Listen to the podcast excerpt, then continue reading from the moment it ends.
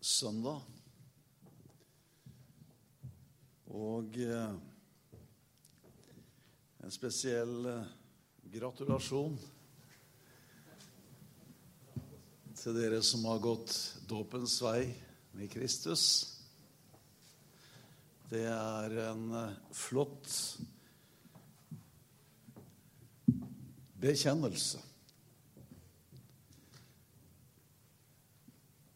Bekjennelse av å være korsfestet, begravet, oppstanden med Kristus. Det som allerede har skjedd, allerede er mottatt i tro. Samvittighetsfullt i pakt med Kristus, døpt og på vei til himmelen. Jeg hadde tenkt å si noe om et par arrangement. Jeg kjenner i formiddag. En sånn type atmosfære, så jeg skal ikke bruke veldig lang tid på det jeg kanskje tenkte å bruke litt tid på. Men det er noe i dette møtet som jeg har respekt for. Høyfjellsstevne på Beitostølen 2.-7. mai. Det ligger brosjyrer der ute. Der har vi også CD-er, noen bøker du kan få kjøpt. Alt dette går da til inntekt til Evangeliesenteret. Dette stevnet er 17. gangen vi arrangerer, så her finner du ut av det arrangementet. Og så er det én tur jeg vil gjerne reklamere. Anita, min kone og jeg skal på vegne av Evangeliesenteret. Vi hadde tur i høst. Vi skal ha en ny tur til høsten, til Israel.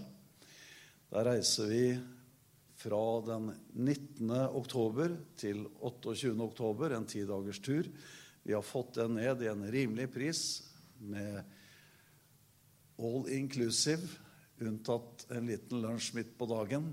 Alle innganger, buss, guide, sjåfør, oss, alt er inklusive gode hoteller. Vi skal til alle de kjente stedene og en del steder som kanskje ikke alle har vært.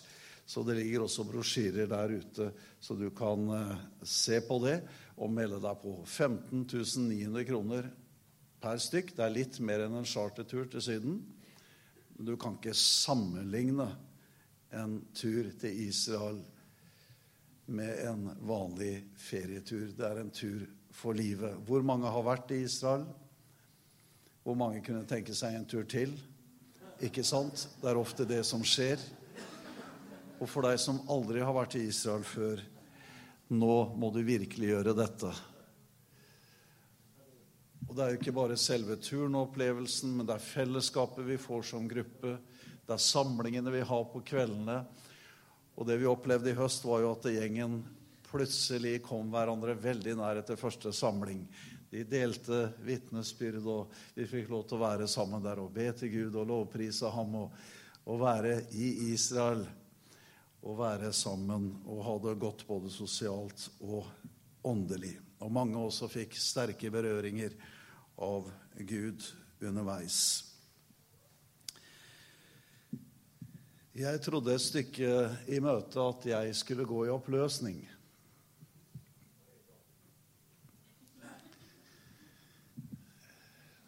Noen ganger så tar Den hellige ånd tak. Ja. Og det var det flere som kjente, tenker jeg. Ja. Og den søndagknuselsen, den har jeg respekt for. Fordi vi kan ha disse høye ropene og disse veldige tingene, men noen ganger så kommer Gud bare sånn på dypet med en sånn understrøm som bare underbygger all av hans nåde, all av hans kjærlighet, all av hans velsignelse, all av hans salvelse inn i Guds forsamling. Og jeg har sånn respekt for den understrømmen at det er derfor jeg kutter ned på en del andre ting, for det her er dyrebart, min kjære bror og søster. Det å få oppleve sånne stunder hvor Gud kommer på en sånn måte at du kjenner at du nesten innvendig går litt sånn i oppløsning. Plutselig så Jeg har jo aldri hatt problemer med å felle tårer.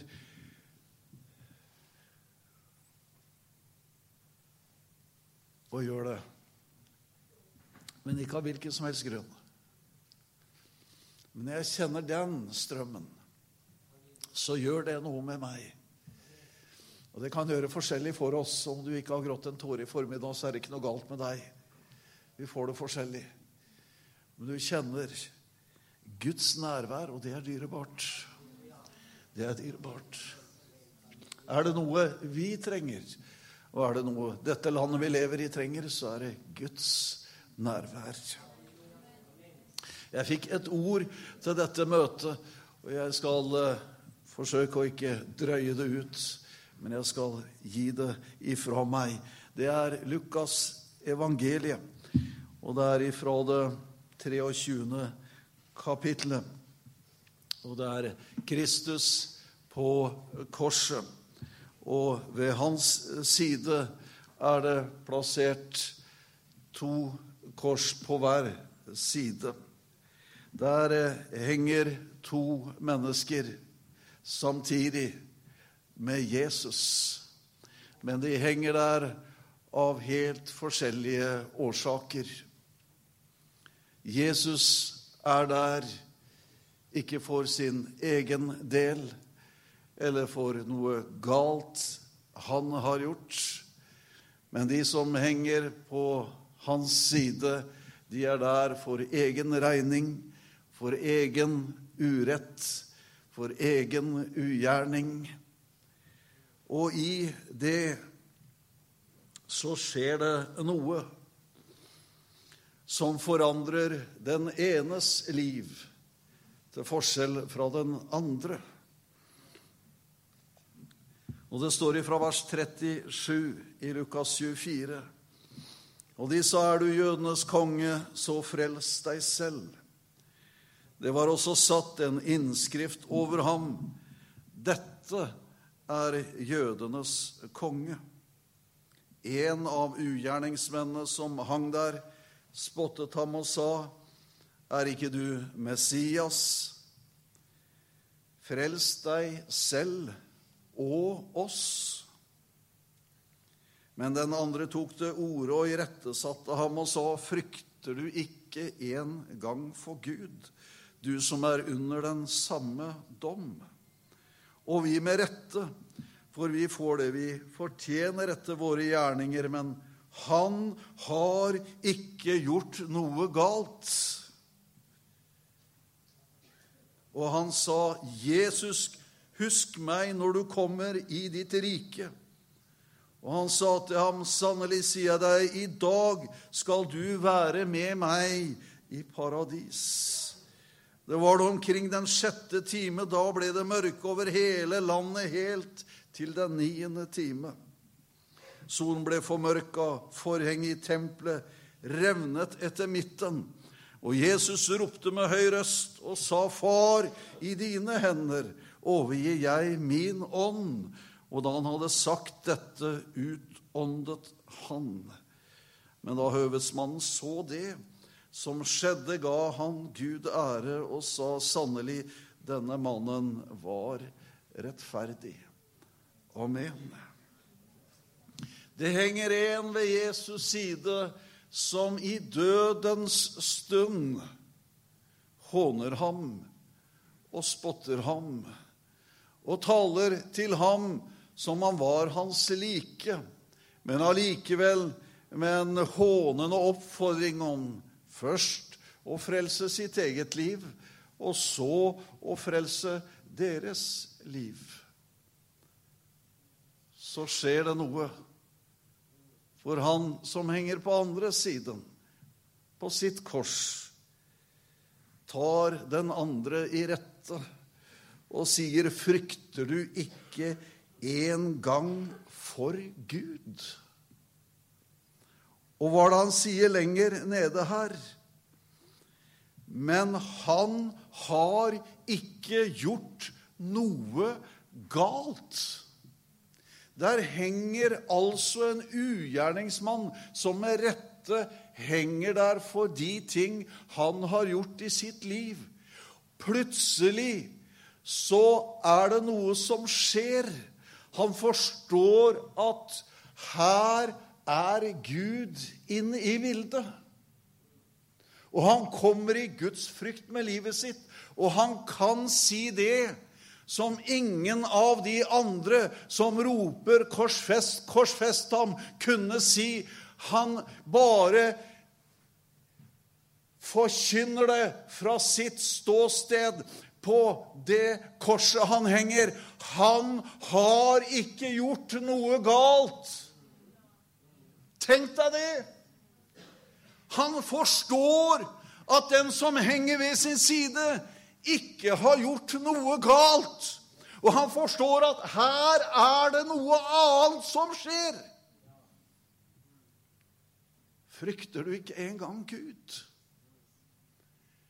Hva er det som gjør at han kan si det? Ja, da kan vi jo spekulere på det, men jeg har en hemmelighet. Og det er at han ser ikke bare Jesu forslåtte legeme. Ikke bare sårene efter tornekronen, blodet som renner. Han var ikke noe vakkert syn å se til Jesus Kristus der han hang under smerte og lidelse på korset. Profeten sier det i Jesaja 53.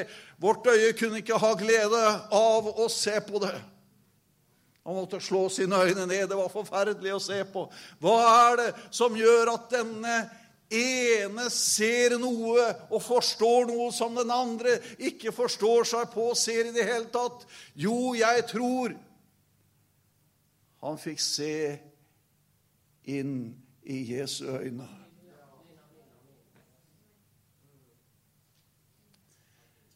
Øyne av guddommelig kjærlighet, av lydighet og offervilje innenfor Faderens vilje. Han hang ikke der fordi at naglene holdt ham fast. Men han hang der i lydighet til sin far og i kjærlighet til deg og meg. Og i et blikk i Jesu øyne så ser han noe mer. Han ser det guddommelige.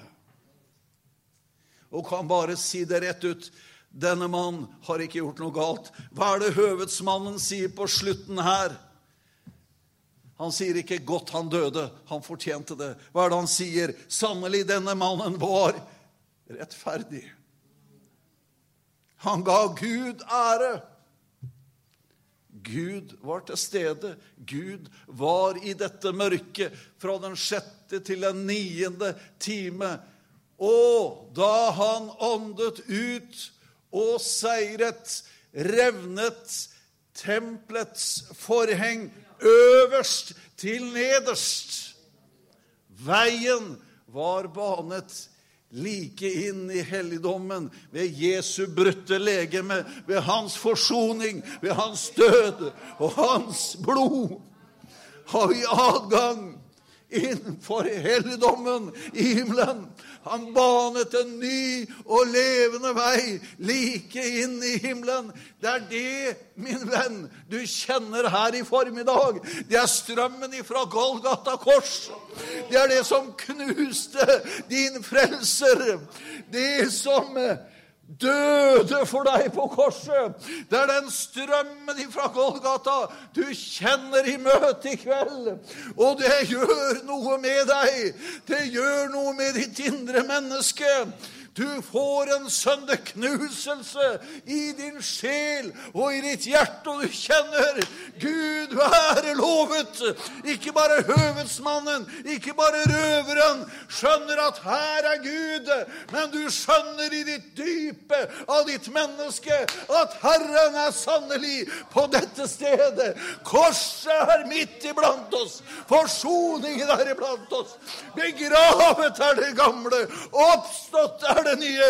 Korsfestet er vi med Kristus. Halleluja. Og vi venter på dagen da han skal komme igjen for å hente sine.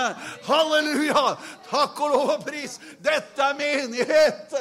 Dette er legeme. Dette er det som er forløst ifra jorden og er skapt for himmelen. Halleluja.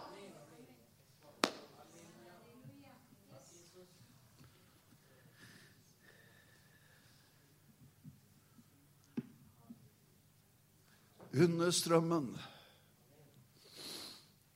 av korsets kraft, forsoningens kraft. Derfor så er korset intet anstøt for oss, men et tegn for seier. For de fleste, når de ser et kors, så tenker de død. Og korset i sitt utgangspunkt er jo ment til noe forferdelig. Det er jo et verktøy for henrettelse på verste vis. Men tenk at dette korset har fått et sånt anstøt iblant mennesker fordi det var en som hang på ett kors en gang. Deretter har alle kors fått et anstøt. Men for oss så er det ikke noe anstøt. Men det ble oss til frelse. Halleluja. Det var det forferdelige redskapet som skulle skaffe Guds rettferdighet til alle mennesker på jorden. Halleluja. Derfor står det i denne sangen 'Jeg vil elske det Gammel kors'. Og ved deres fot så får jeg lov til å knele ned. Jesus hadde ingen diskusjoner i dødsriket. Han hadde allerede seiret på korset. Han var seiersherren. På korset, står det. Alt annet ble åpenbart, nakent. Alle mørkes og det ondes krefter ble avslørt i et øyeblikk med nederlag. Menneskene så det ikke men himmelen så det. Seieren var komplett og total og fullendt. Døden var overvunnet. Frelse, halleluja, var et faktum. Hva gjorde han da fra fredag til den tredje dags morgen i dødsriket. Jo, han ba om å få nøklene fra han som hadde holdt mennesket nede. Djevelen. Han hadde raslet med nøklene frykten og døden og dommen. Så sier bare Jesus, gi meg nøklene.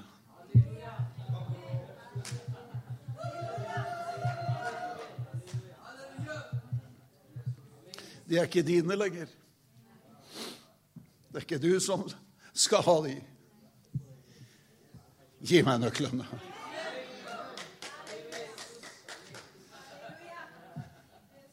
Djevelen må bare med skam levere fra seg nøklene til døden. Han råder ikke over den lenger. Han har ingen makt ved den lenger. Han kan ikke skremme noen ved den lenger. For det er en som har seiret over djevelen, over døden, over det onde. Hans navn er Jesus Kristus, og han er her i formiddag. Og han løser fanger og setter fri. Han har vunnet en fullkommen seier for ditt liv. Halleluja! Død, hvor er din seier? Død, hvor er din nådd? Nei, den er borte! Halleluja! Den er knust under Kristi føtter. Halleluja! Den gamle slangen halleluja, er knust. Og Kristus, Guds lam, halleluja, har seiret.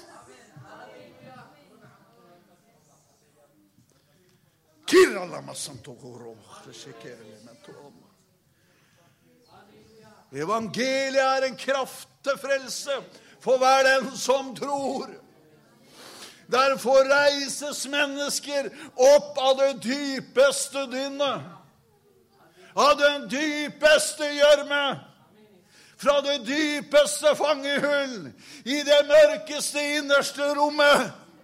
Men dit ned når lovsangen, tilbedelsen, bønnene og kraften til å løfte mennesker opp av mørket, opp av gjørmen, opp av dynnet. Halleluja! Til et fritt liv.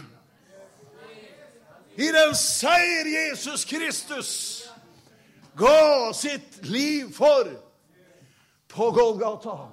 Halleluja!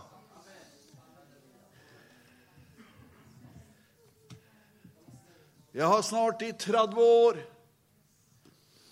vært med på snart 34 år av Evangeliesenterets historie. Og så kan du spørre blir du ikke sliten, blir du ikke lei, blir du ikke trøtt? Jo da, jeg er på alle måter et menneske. Men når jeg kjenner denne kraften jeg kjenner i formiddag Når jeg opplever det jeg opplever i formiddag, så kjenner jeg jeg skal på ingen måte gi meg. Vi skal på ingen måte gi oss. Og derfor besøker Gud oss i Jesu Kristi navn med salvelsen av Den hellige ånd i formiddag, som han akkurat gjør nå.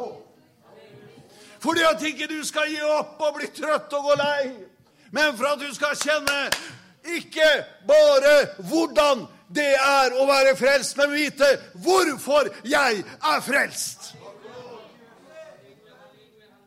Når du har vært i menighet og i kristen sammenheng lenge, så vet du mye om hvordan det er å være frelst. Hvordan et møte skal være, hvordan livet skal leves. Vi vet så mye om hvordan, men noen ganger så går vi glipp av hvorfor. Vi vet hvordan vi skal ha gudstjeneste. Hvordan skal vi ha det? Men vi har glemt kanskje hvorfor har vi gudstjeneste? Hvorfor har vi gudstjeneste? Hvorfor er du her? For å diskutere etterpå hvordan var gudstjenesten? Eller for å få noe dypere Hvorfor er jeg på gudstjeneste? Halleluja. Hvorfor kom jeg hit i dag? Halleluja. Og vi skal ikke ha noe tilskuerplass. Halleluja. Vi skal ned og løpe på banen. Halleluja. Vi skal vite hva vi er kalt til. Hvorfor vi har menighet, hvorfor vi har gudstjeneste, hvorfor vi samles. Jesus, jeg priser ditt hellige navn. Å, takk for dette møtet. Takk for denne understrømmen, Herre, ifra Golgata i kveld, i formiddag. Å, Jesus. Takk for salvelsen, Herre, som bryter ethvert trelldomsåk. Takk, Jesus Kristus, for det guddommelige nærvær vi kjenner. Takk at du frelser. Takk at du helbreder. Takk at du forløser, fornyer, istandsetter og utruster. Herre Jesus Kristus, takk at vi er rike, halleluja, i deg. Fattige i oss selv, men rik i vår Gud. Overmåte, overveldende rike. Halleluja. Og vi er ikke bare her for å se hvordan vi skal ha gudstjeneste, men forstå hvorfor vi har gudstjeneste. Hvorfor er vi her i dette fellesskapet? Hvorfor tilber vi? Hvorfor lovsynger vi? Hvorfor vitner og forkynner vi? Hvorfor er vi her og ber til den levende Gud i himmelen? Halleluja! Du vil plante det inn i våre liv. Halleluja. For at dette evangeliet, det skal virke. Halleluja, det skal få framgang i våre liv. Det skal få betydning for våre liv, og når det så gjør det, så får det betydning for andres liv omkring oss. Halleluja. Og menighet vekkes til liv for sitt kall og forstår at det er utvalgt en brud ifra himmelen. Halleluja. Da våkner kraften.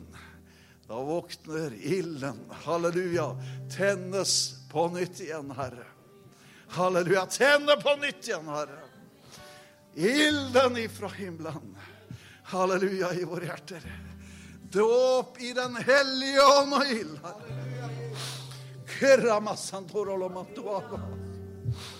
Og et bad, Herre. En full neddykkelse i din kjærlighet og din salvelse, Herre, og din kraft, Gud. Å, så det er annerledes med oss. Halleluja. Å, halleluja. Å, Herre, du møter oss så veien ikke skal bli oss for lang, Herre. Du serverer oss ifra himmelen, Herre. Og noen kjenner at de er sittende under jubelbusken i formiddag. De kjenner at det er tungt, veien er lang. Spørs om jeg når fram. Herre, takk at du kommer. Gi nytt mot, Herre.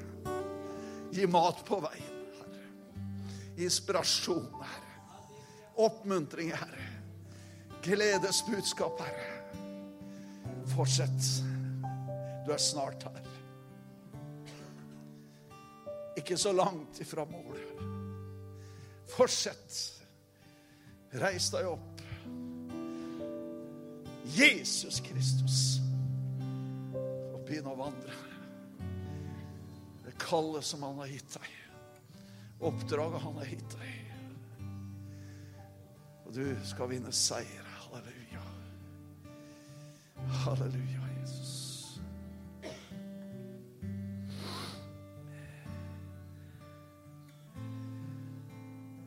Noen tror at hvis de sparer seg for sitt liv, så vil det holde lengre til å nå fram. Jeg vil bare si at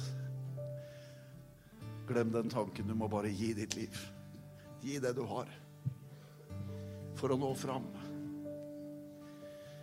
Det er ikke de uvirksomme, beregnende som når fram. Det er bare de som brenner. Bare kjenner at Jeg brenner. Det er en ild her inne. Bare en full overgivelse. Gud, la din vilje skje, la ditt rike komme.